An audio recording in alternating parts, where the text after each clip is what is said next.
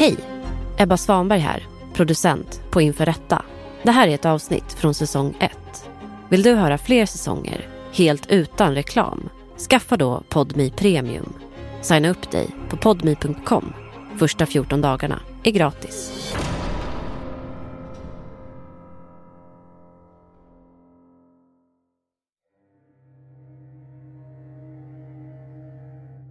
Du lyssnar på Inför rätta om Almedalsmordet med mig, Matilda Blom. Det här är del två.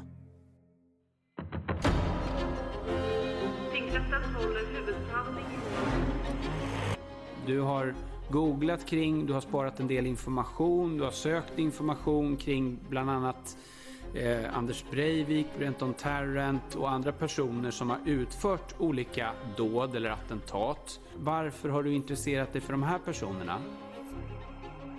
Theodor, nu får du vara tyst. Nu, nu är du tyst. Varsågod åklagaren och fortsätt. Attacking my reality. Nej, men då, då tar vi ner eh, Theodor Engström i ett medhörningsrum. Det påverkar mig som mamma när man får när, när ens sjuåring kommer hem och frågar varför någon vill döda mig.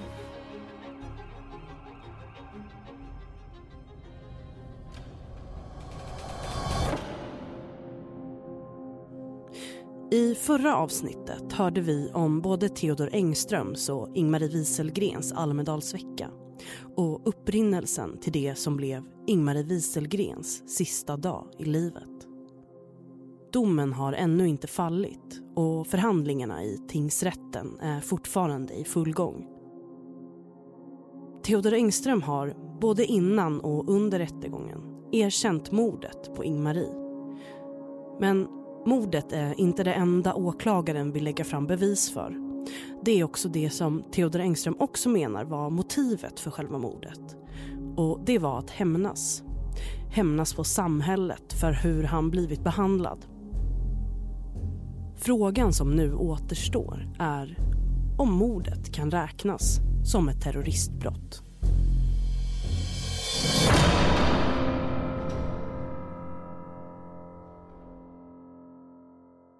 Men det räcker inte med att Theodor Engström själv säger sig vara skyldig till brottet han anklagas för. Rätten måste nu syna all bevisning och det måste ställas bortom rimligt tvivel att Theodor Engströms brott faktiskt allvarligt kunnat skada Sverige. Jag har då gått in i Almedalen den dagen på Visby i syfte att genomföra en självmordsbombning. Och jag gör detta å ena handen som en spökpojke, övergiven av mina medmänniskor. Och jag gör det i andra handen som en sagopojke. Och jag har då valt ut för att jag kände att jag, alltså det här var, jag var tvungen att sikta någonstans och jag hade då riktat in mig på tre namn som det föll sig samman den dagen. Vi kommer att återkomma till just de här tre namnen lite senare. Men ett av de tre är Ingmarie Jag gav mig på en representant för, som jag såg och som jag anser är bekräftat. Nu, nu, nu, alltså nu, I svenska samhället och, och i västvärlden eller Atlantimperiet i, i övrigt så, så har ansvar upplöses så att utsätts du för något för dina medmänniskor så är ingen ansvarig. Och du, du måste, och därför så riktade, alltså jag riktade därmed in mig på hela svenska folket. Som ni hörde i förra avsnittet så kunde Theodor Engström gripas kort efter att han knivhuggit Ingmarie Wieselgren. Och en av poliserna som var på plats mindes vad Theodor sagt vid upprepade tillfällen när han låg på marken i Wolters gränd. Vi försöker prata med honom. Eh, ibland så pratar han, eh, mestadels så är det bara eh, liksom svammel. Jag förstår liksom inte mycket svammel på engelska som jag liksom inte får ihop. Eh, Han säger ju, däremot så säger han vid upprepade tillfällen I, I hate the Swedish people på engelska. I hate the Swedish people. Vi greppar inte riktigt där om, om han är engelsktalande eller om han pratar svenska. Men så är det några frågor han svarar jätteadekvat på. Eh, personnummer till exempel, kommer jag ihåg, det svarar han eh, direkt som ett rinnande vatten, sitt, eh, sitt svenska personnummer. Vi frågar vad han har i väskan och då svarar han på svenska.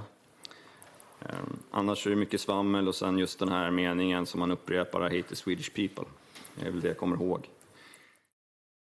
När det kom poliser, uniformerade poliser till platsen, kommer du ihåg om du sa något till, till någon polis? Då när du låg där på marken?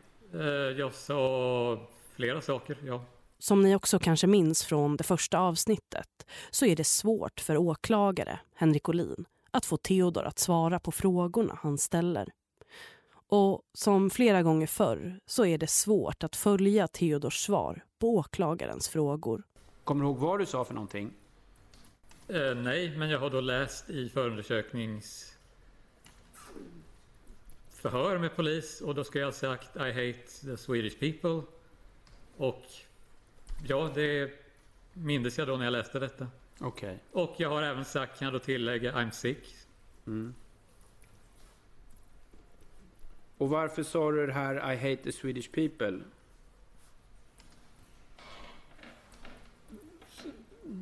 Av, av samma anledning som jag har redogjort för delvis. Även om det inte blir enligt någon tidslinje här nu utan det blir väldigt mellan olika mm. ämnen. Men och återigen, jag ända sedan skoltid och lekis så har jag upplevt att jag avselekterades. Alltså jag, jag kom aldrig med i gemenskapen på grund av psykiska problem och vad man nu vill benämna det som. Och sedan har jag, jag har aldrig kommit ifatt utan det har varit problem genom hela skoltiden. Men jag har ändå hankat mig fram och sedan kom då nästa kliv in i vuxenvärlden och detta misslyckades och då börjades jag blev aldrig vuxen som jag ser det för det finns ingen vuxen erfarenhet utan då påbörjades en tillvaro som en spökpojke. Jag har sökt hjälp från psykiatrin och med nuvarande psykiatriparadigm och hur man ser på sånt, du har inget här att hämta. Så jag blev sittande som en spökpojke i en spökbur i föräldrahemmet och detta har då... Och alltså... Det, det blir en sorts... Alltså, sånt som så många tar för givet med sina vinnaringrupper, med sina egna familjer och med sina egna gemenskaper och yrkeskarriärer. Så, så finns det en sorts mänsklighet där som då förnekas de förlorare i samhället som förpassas till något annat däremellan alla dessa samhällets vinnaringrupper. Och där hamnade då även jag och det finns olika benämningar på detta. Du har även incel-begreppet som används, men som även då ger ett, alltså det blir ett sorts glåpordsepitet för att man låtsas inte om att det har bara med, med en sorts sexualitet att göra när, och sen låtsas man inte om att det är porten till så mycket annat.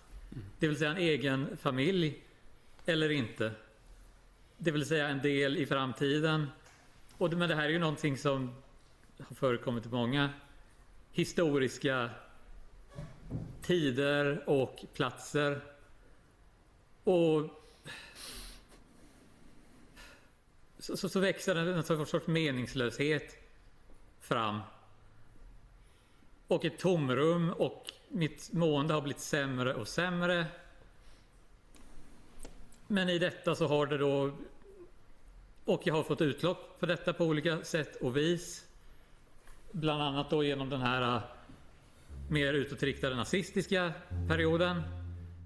Om Theodors, som han själv säger, mer nazistiska period nämns inte mycket under rättegången. Men i polisens förundersökning har Theodors vanor online kartlagts. Mellan 2016 och 2018 chattar Theodor Engström med en forskare på Stockholms universitet de utbyter högerextrema boktips och pratar politik. I en chatt från 2018 berättar Theodor att han nog tänker rösta på Alternativ för Sverige eller Nordiska motståndsrörelsen.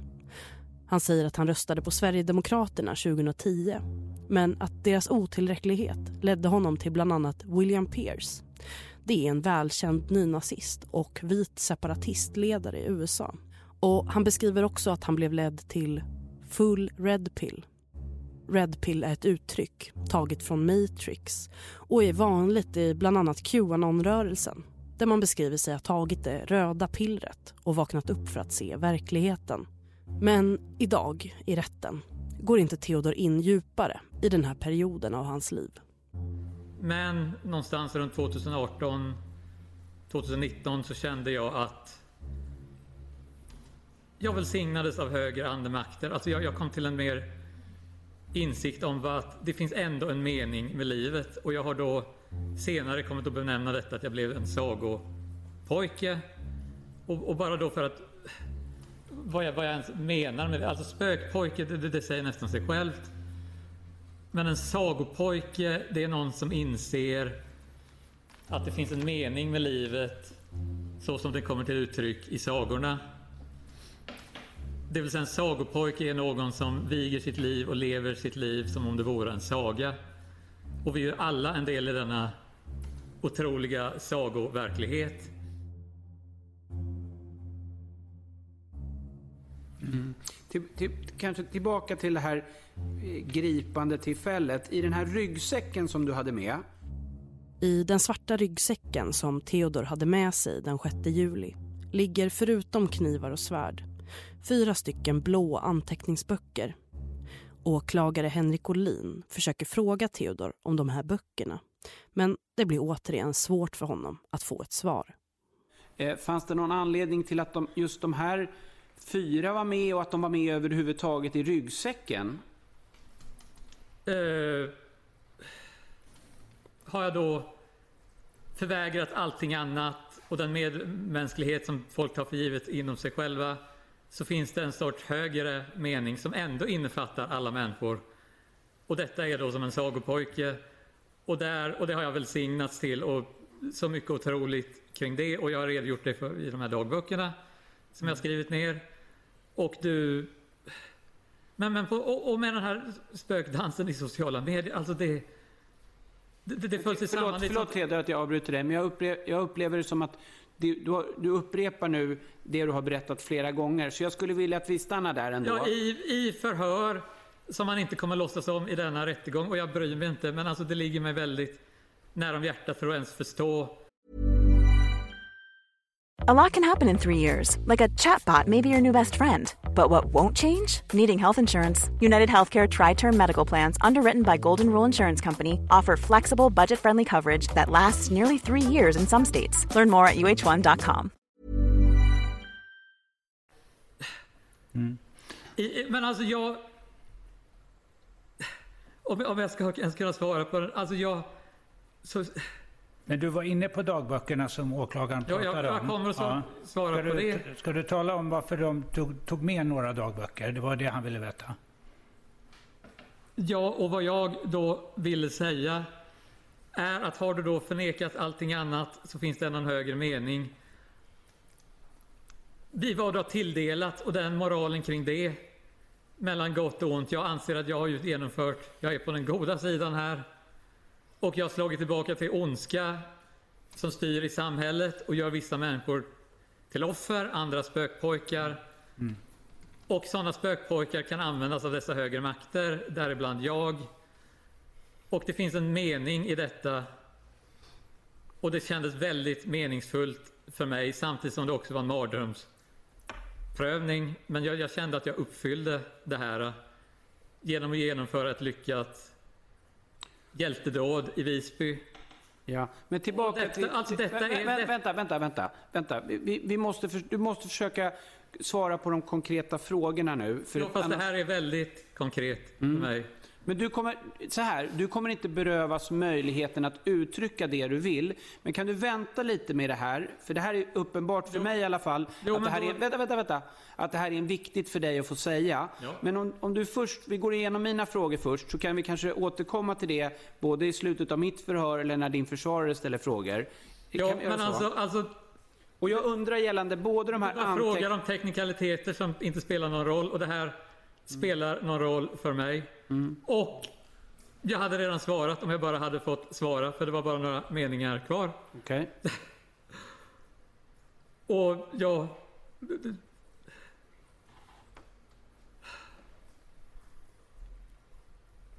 Jag genomförde en sagopojkes hjältedåd i Visby och med den prövningen det innebar.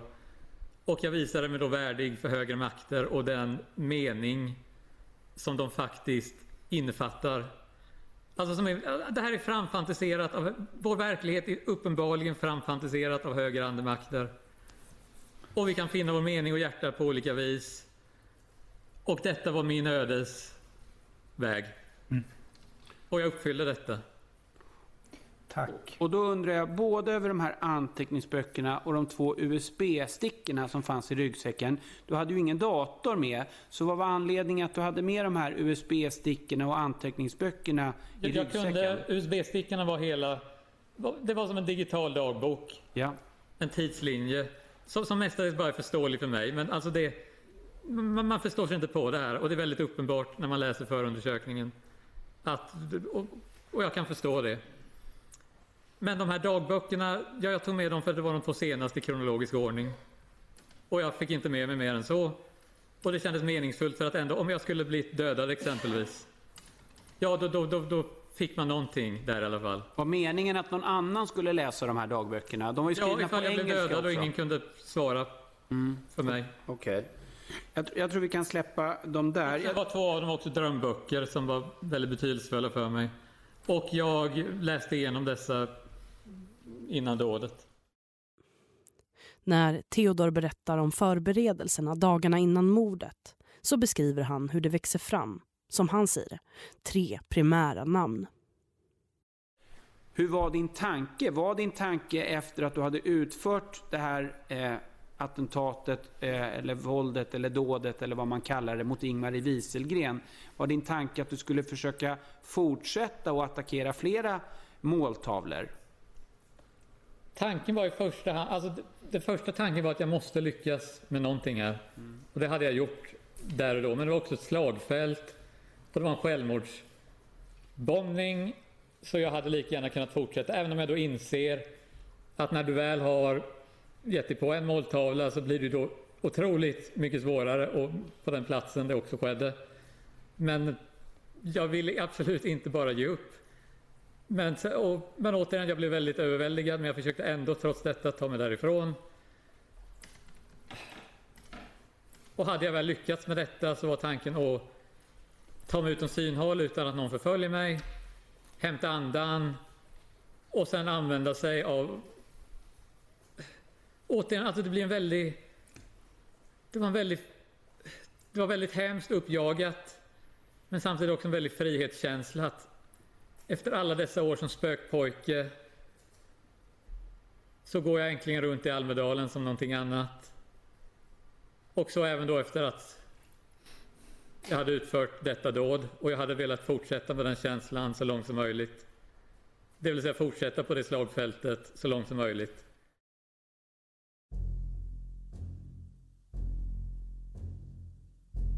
Ett av namnen på Theodors lista är Annie Lööf. I hans långa register av personer som han upplever som sina fiender är hon en av dem han kartlagt. I en hårddisk som polisen tömt finns mängder av screenshots och bilder tagna av olika debatter hon medverkat i.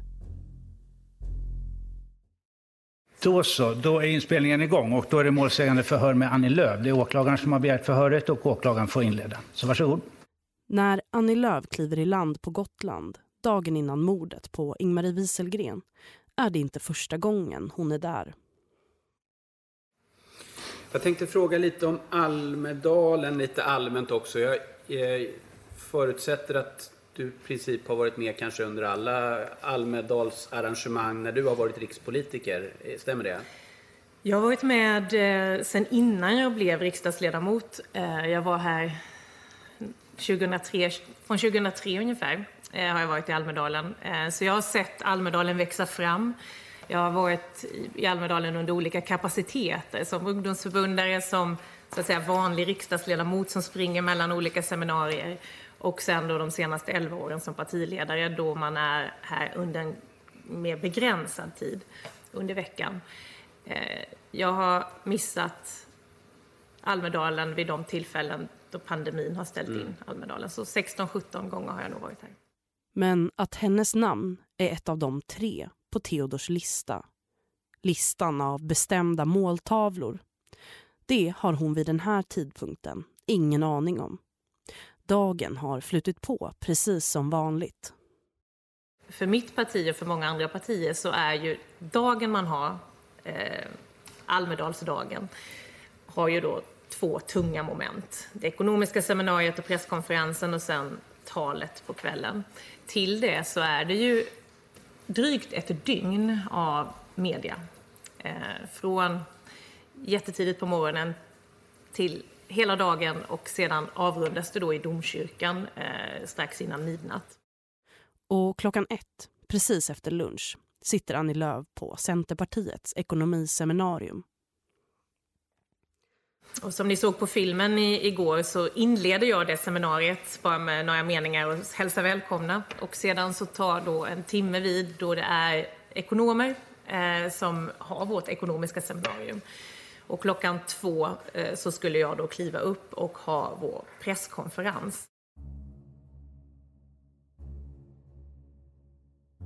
Almedalsveckan är i särklass den största och ses av många som den viktigaste för debatter, politiska tal och seminarier där aktuella samhällsfrågor lyfts. Det är en vecka där många högprofilerade personer samlas och åtgärderna runt såna här typer av evenemang och sammankomster är massiva och kräver enorm förberedelse. På plats i rättssalen idag, kallad av åklagare och i egenskap av vittne, är Richard von Zweiberg. Han är beredskap och säkerhetsskyddschef på Region Gotland. Kan du lite översiktligt beskriva vad, vad, vad, är, vad är det för arbets, eller vad ingår i, ditt, i det arbetet? Mitt arbete är väl att se till att eh, Gotland kan eh, motstå samhällsstörningar, eh, att befolkningen kan klara sig i händelse av kris. Det är beredskapsdelen så att säga. Sen har vi säkerhetsskyddsdelen där det handlar om verksamheten, att skydda verksamheten mot, mot svårare angrepp som kan påverka rikets säkerhet. Region Gotland är värd för Almedalsveckan och är den enda organisationen i Sverige som har ansvar över både region och kommun, vilket gör ansvarsområdena stora. Av de 6 500 anställda är det många som arbetar med förberedelserna inför Almedalsveckan. Men jag ansvarar för de särskilda händelser som inträffar runt kring det som har med Almedalen att göra. Eh, där man behöver påkalla uppmärksamhet. Så att jag är, eh, eh jobbar dels med då att vara länken så att säga mellan den ordinarie strukturen, för vi måste fortfarande kunna hantera att andra saker inträffar på ön också. Eh, men samtidigt så måste vi se det faktum att, eh, att Almedalen är en väldigt stor händelse i sig, så att vi behöver ha någon som är väldigt nära på plats. Kan du lite beskriva hur såg din Almedalsvecka ut? Hur såg dagarna ut liksom arbetsmässigt? Ja, alltså vi, vi började varje morgon med att ha, vi kan inte kalla det utsättning, men en morgon, morgonmöte där vi gick igenom vad som hade hänt igår och vad som händer idag. Och det är ju allt ifrån liksom hur det fungerar vid vägspärrarna, hur det fungerar vid inpasseringen, eh, men också mycket runt logistiken. Vi hade det är allt möjligt som händer och sker där. Så att, eh, det är så vi gör varje morgon. Sen eh, har vi strax efter lunch så har vi ett samverkansmöte med Försvarsmakten, Länsstyrelsen, Polisen, eh, lite riksdags eller partiföreträdare och eh, Kustbevakning och så där, där vi går igenom beredskapsläget så att säga, om det är någonting som händer som vill påkalla vår uppmärksamhet. Ehm, och det flöt på som tidigare Almedalsveckor skulle jag vilja påstå. Mm. Men trots förberedelserna som görs inför och det säkerhetsarbete som utförs under veckan så händer det som inte får hända. En kvinna blir mördad på öppen gata.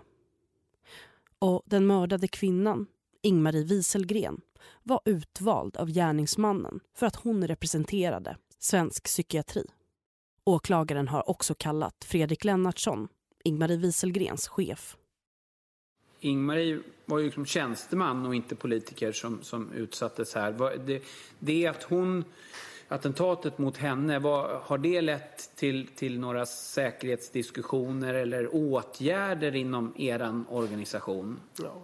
Och det där är väl fortfarande en, en ja, under utveckling. Eh, vilka slutsatser och hur det här arbetet behöver utvecklas till följd av de här händelserna. Men redan nu då så, så är det ju en, ja, en ökad medvetenhet över den den utsatthet som kan finnas för enskilda medarbetare men också liksom de risker som kan finnas i samband med olika evenemang och sådana saker. Vi kommer imorgon till exempel att samla 600 personer ungefär för en manifestation till, för arbetet i Ingmar, fortsatt arbete i Ingmaris anda och eh, har ju då genomfört ganska omfattande säkerhetsanalyser för att kunna genomföra den typen av evenemang. Det hade vi inte gjort för, eh, på det Head over to Hulu this March, where our new shows and movies will keep you streaming all month long.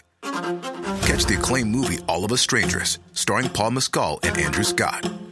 Stream the new Hulu original limited series We Were the Lucky Ones with Joey King and Logan Lerman. And don't forget about Grey's Anatomy. Every Grey's episode ever is now streaming on Hulu. So, what are you waiting for? Go stream something new on Hulu. Here's a cool fact a crocodile can't stick out its tongue. Another cool fact you can get short term health insurance for a month or just under a year in some states. United Healthcare short term insurance plans are designed for people who are between jobs, coming off their parents' plan, or turning a side hustle into a full time gig. Underwritten by Golden Rule Insurance Company, they offer flexible, budget friendly coverage with access to a nationwide network of doctors and hospitals. Get more cool facts about United Healthcare short term plans at uh1.com. sättet för, för, ja, innan den här händelsen. Så med bland annat de här vittnena vill åklagaren bevisa att gärningen, det vill säga mordet på Ingmarie, hade både intentionen och kunde komma att skada Sverige.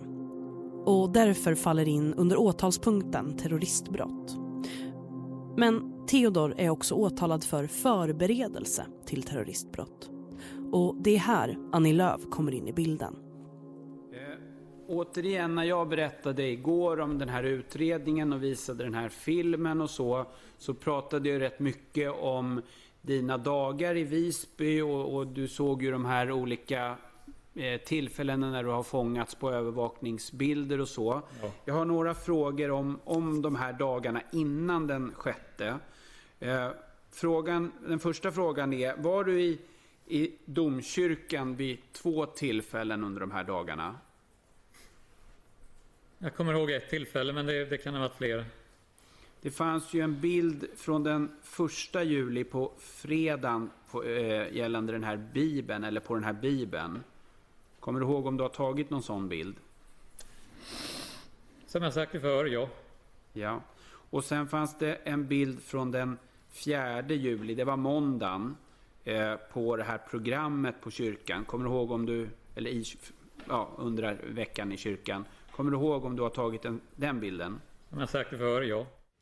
Bilden som Theodor sparat i sin telefon visar att Annie Lööf ska befinna sig i kyrkan klockan 22 den 6 juli. Det är där, som hon berättade tidigare, hon tänkt avsluta sin Almedalsvecka. Kyrkan som plats, hade du hade du några särskilda tankar kring, kring den? Som jag sagt i förhör, jag hade en väldigt meningsfull upplevelse i, i den kyrkan. Jag, det hela, alltså ena handen så var det en, en förskräcklig mardröm som gick mot sitt slut. Men å andra handen så kanaliserades det in i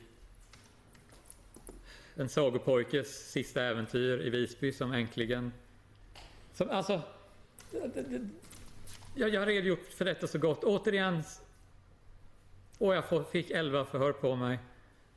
Och, och det, det, blev väldigt hit och dit med kommentarerna. Mm. Men alltså, så, så du, du, du, missar så mycket som jag har sagt i förhör. Så återigen, jag, jag, jag försöker inte ens. Theodor går återigen in i en ganska lång och osammanhängande förklaring.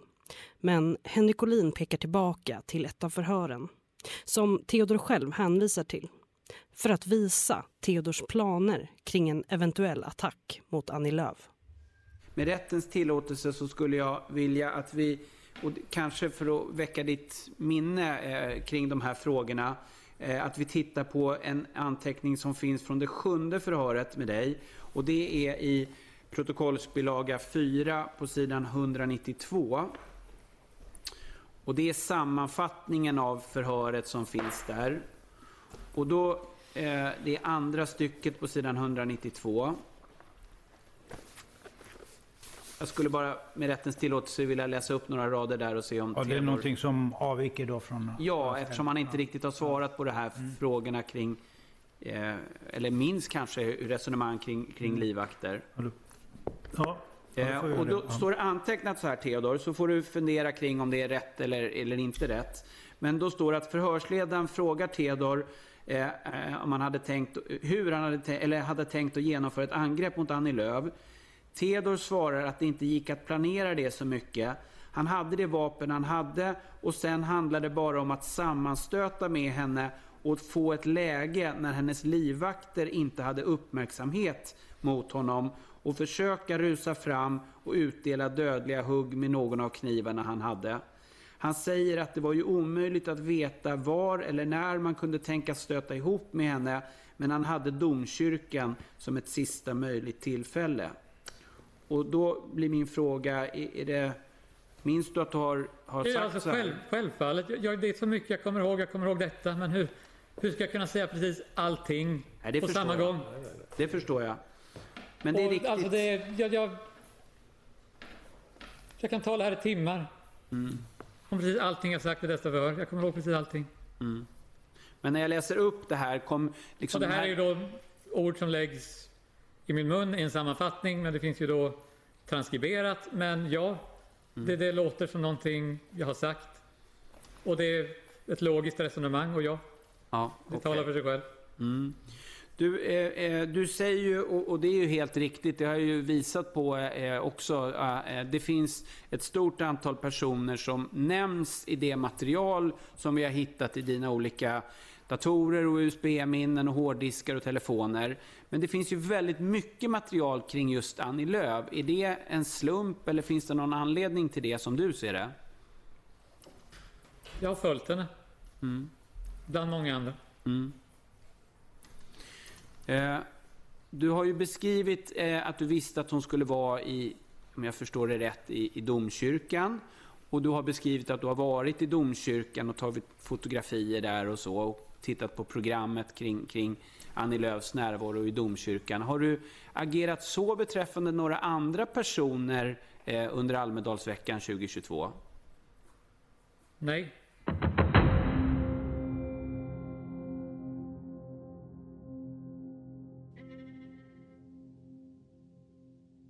Den 6 juli, strax efter lunch, har Ingmarie Wieselgren precis blivit attackerad mitt på Donners plats i centrala Visby.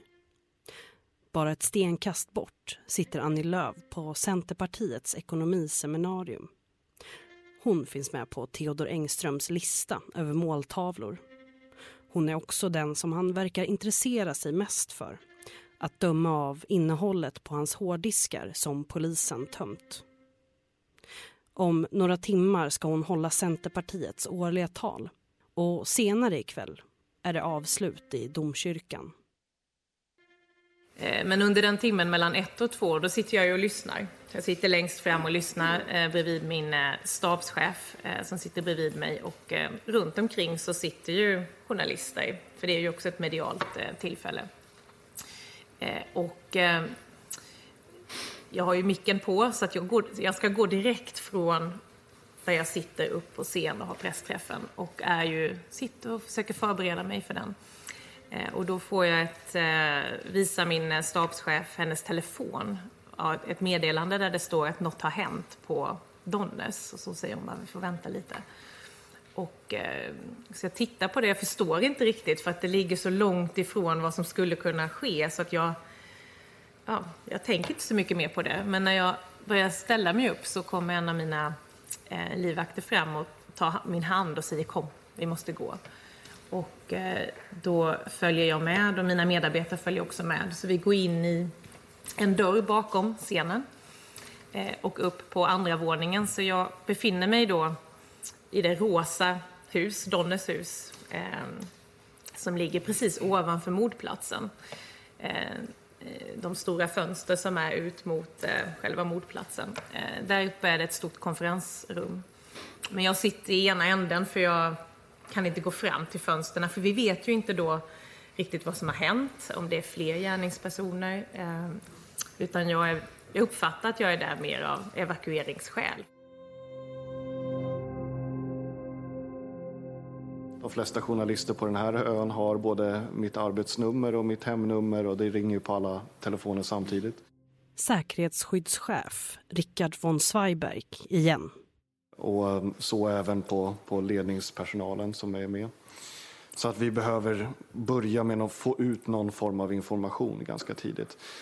I det här läget ska man också veta att vi vet ju inte vad det är som har hänt fortfarande. Vi vet inte om det är hur många offer det har att göra med, att någon har blivit allvarligt skadad och att det är någon form av våldsbrott. Det var ungefär mm. det vi hade. Så att vi börjar ju reda ut, den kallas för en fyrfältare egentligen. Eh, och den är jätteenkel, en vanlig enkelstabsmetod där man börjar reda i vad vet vi, vad tror vi, vad gör vi nu och vad gör vi sen? Och här hamnar, i det här första läget hamnar väldigt mycket i fältet vad tror vi egentligen? Eh, när vi får klart från polisen, för vi ringer ju såklart, vi har ju upparbetade kontaktvägar och sådär. Men sen fanns det också mycket poliser på plats. Eh, så får vi också, då får vi lite mer klarhet i vad är det som har hänt. Vi får också kännedom om att man har gripit en misstänkt gärningsman i anslutning till händelsen. Ehm, och att det är endast ett offer. Inledningsvis så talades det om fler offer, men att det var ett, eh, ett offer. Då. Ehm, vilket gör att vi då kan börja någonstans, för vi måste ju larma i våran larmkedja. Jag var i kontakt med sjukhuset exempelvis ganska tidigt. Ehm, också just med det här, någonting har hänt i Almedalen. Ehm, vi vet inte riktigt eh, vad det är, men någonting har hänt. Och det gör, ju, gör vi för att de ska öka sin beredskap. Men det gjorde att vi kunde ganska snart börja förstå att ja, men det här är en en, det är ett offer, det är en gärningsman och det är inte så att det är någon som är liksom lös i Visby som polisen behöver jaga efter utan att det här är eh, det, det, är ju över i samma sekund som det inträffar i stort sett. När fick du reda på eh, att det var en gärningsman som var gripen? Kommer du ihåg det ungefär? Annie Lööf igen. Ja, men det fick jag ganska snabbt mm. reda på. Det var ju anledningen till varför jag fick lämna Donnes hus. Mm. Att man fick information om att gärningsmannen var gripen och att man gjorde bedömningen att det inte fanns fler gärningsmän. Mm. Och det var ju anledningen till att jag, vi kunde lämna platsen där jag då befann mig. Mm. Centerpartiet skjuter fram pressträffen och senare genomförs Almedalstalet och klockan 22 befinner sig Annie Lööf på den plats där Theodor Engström planerat en eventuell attack mot henne. Domkyrkan i Visby. Så att jag begav mig dit, eh, och, men de hörde också av sig till oss med tanke på det som har hänt, så att de gjorde ju om innehållet. Mm. För på plats i kyrkan så var det ju eh, medarbetare till eh, Ingmarie Wieselgren som var på plats som bar en väldigt stor personlig sorg. Eh, så att med eh, respekt för det som har hänt så blev det ett samtal om, ja, ett värdigt samtal om eh, känslor, sorg, eh, värderingar. Eh, jag tyckte att det blev en väldigt fin stund. Eh, efter det samtalet då, så här ser det ut alla år, så har man ett samtal, man sitter med eh, domprosten Eh, och för det här samtalet. Och därefter så är det ju alltså en gudstjänst, nattvard. Och eh, då eh, delar jag alltid ut ljus. Så då står man i... Det är en, eh, det är, man sitter, och sen är det en kyrkogång. Och då står jag i kyrkogången och så delar man ut de här tunna ljusen som man sätter, minnesljus. Head over to Hulu this March, where our new shows and movies will keep you streaming all month long. Catch the acclaimed movie All of Us Strangers, starring Paul Mescal and Andrew Scott. Stream the new Hulu original limited series We Were the Lucky Ones with Joey King and Logan Lerman. And don't forget about Grey's Anatomy. Every Grey's episode ever is now streaming on Hulu. So, what are you waiting for? Go stream something new on Hulu. Och så går man, så att då kommer, kommer alla deltagare som sitter fram och, ja de kommer ju jättenära. Eh, så att, men jag har alltid tyckt att det det ger tillbaka har övervägt de risker det är. Så jag har stått och delat ut ljus. En del har jag kramat om och liknande. Och det gjorde jag även denna gången. Och det blev extra påtagligt vid det här tillfället med tanke på den ledsamhet många kände. Det kändes viktigt och värdefullt. Men det ska ta ytterligare några dagar innan Annie Lööf förstår att gärningsmannen som brutalt attackerat och mördat Ingmar Wieselgren också var ute efter henne. Jag fick reda på det måndag eftermiddag efter Almedalen. Eh, och eh, jag, jag åkte ju hem från Almedalen dagen efter på, på torsdagen eh, och eh, gick på ledighet. Eh, för att man fick en ganska begränsad ledighet eftersom det var valår så jag försökte komma ner i varv så mycket som möjligt, så snabbt som möjligt. Och eh, försökte stänga ute liksom lite det som hade hänt och kände mig liksom också lättad på något sätt över att eh, jag då inte var en del av detta.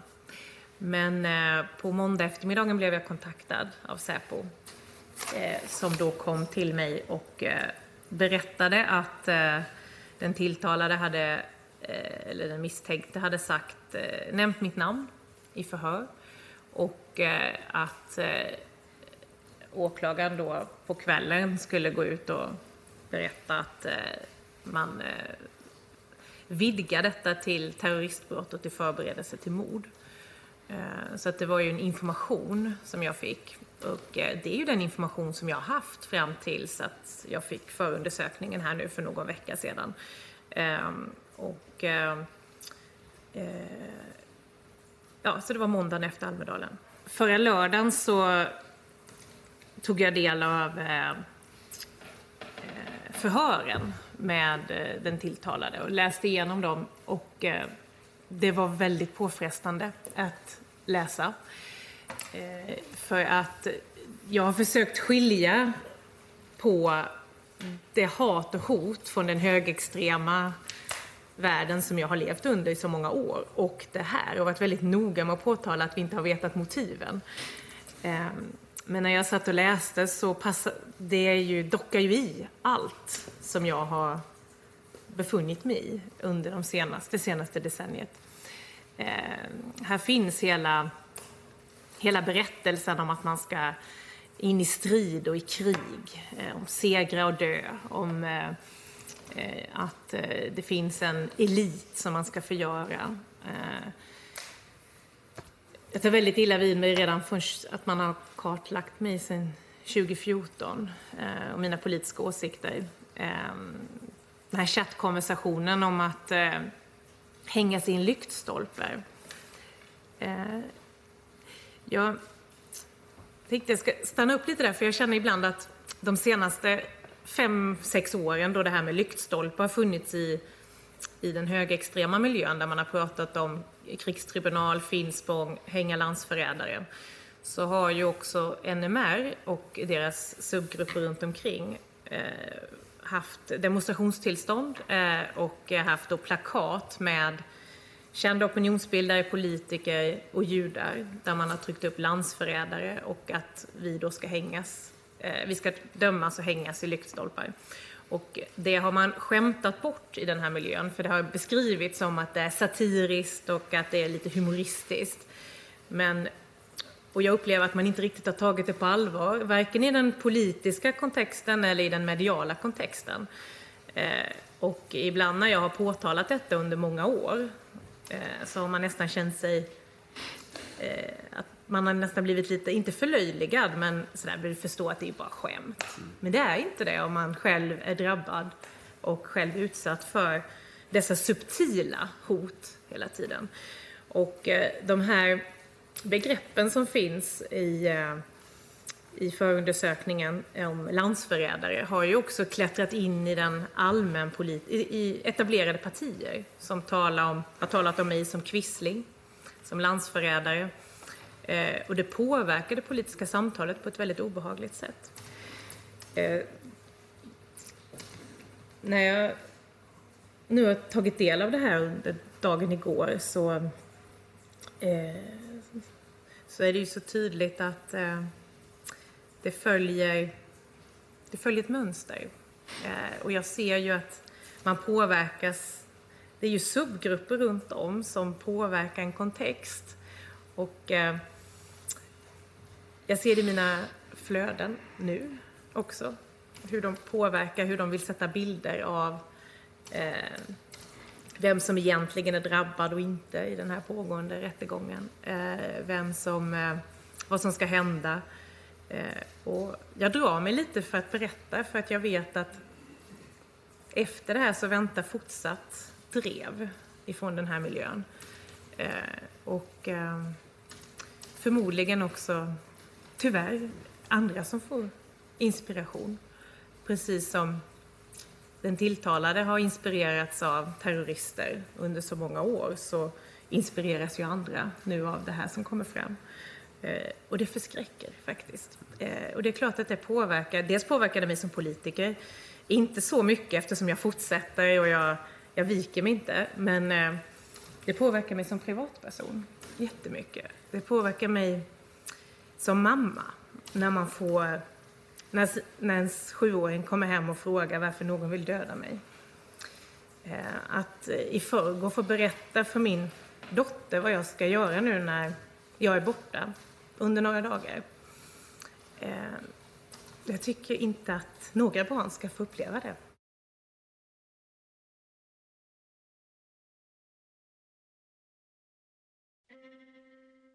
Ville du på något sätt påverka Almedalsveckan, politikerveckan på Almedalen genom det här dådet från din sida? Ja.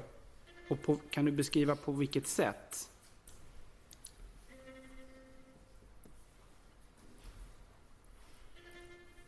Talar för sig själv. Jag har inget att tillägga. Mm, Okej. Okay. Det finns ju i materialet eh, som jag redogjorde för också igår en hel del. Eh, du har googlat kring, du har sparat en del information, du har sökt information kring bland annat eh, Anders Breivik, Brenton Tarrant och andra personer som har utfört olika dåd eller attentat. Eh, vill du på något sätt kommentera varför har du intresserat dig för de här personerna? Ja, de är... Ja, jag vill inte kommentera det här på personnivå. Man har alla bra och dåliga sidor och olika, olika platser i livet och, och vad det medför. Men jag anser att ja, de är sagopojkar. När åklagaren ska lämna slutplädering i målet så kan reportrar på plats i salen fånga ögonblicket då rättens ordförande får nog av Theodors avbrytande. Mot rättspsykiatrisk vård i händelse att han skulle åka dit för det Nej, nej. Nu, nu är det bara åklagaren som pratar. Men du, du, Theodor, nu får du vara tyst. Nu, nu är du tyst. Annars får du inte vara här kvar här inne. Så är det. Varsågod åklagaren och fortsätt. Attacking my reality. Nej, men då, då tar vi ner eh, Theodor Engström i ett medhörningsrum.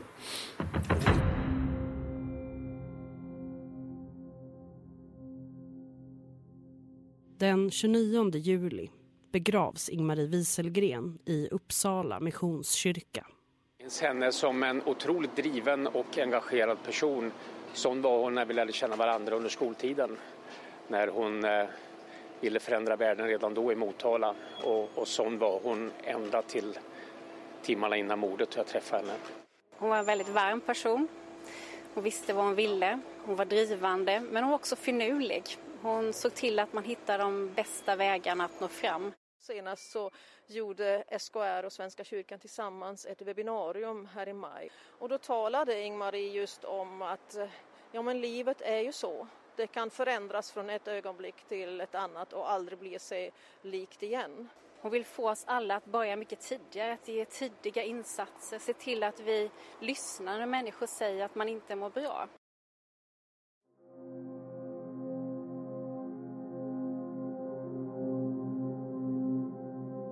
Jag eh, kände inte Ingmarie Wieselgren, så i efterhand så ångrar jag att jag inte kände henne mer. Hon verkar vara en fantastisk person.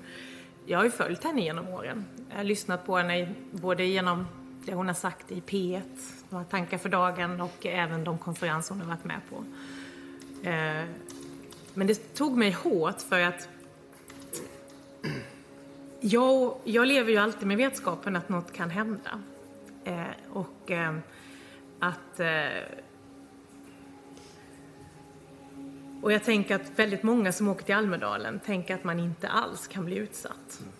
Eh, och en sån person som Ingmarie Wieselgren som åker dit på grund av sin kompetens och kunnande, som är där för att hon tycker det är roligt, som är med på seminarier, har ju inte tanken när hon lämnar familjen att hon inte ska komma tillbaka.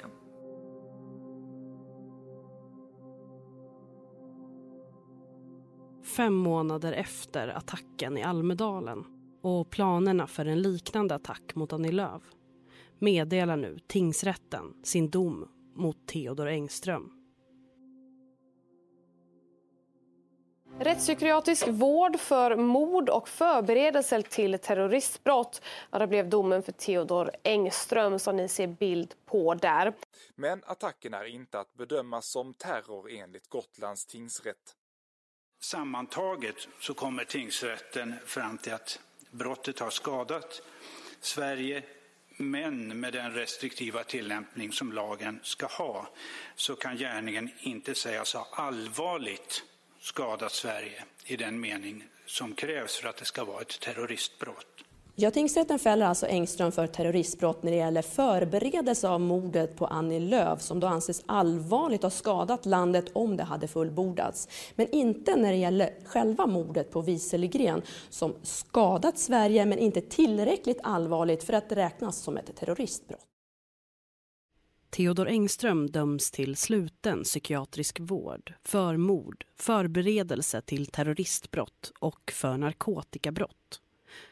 Domen överklagas inte från någon part.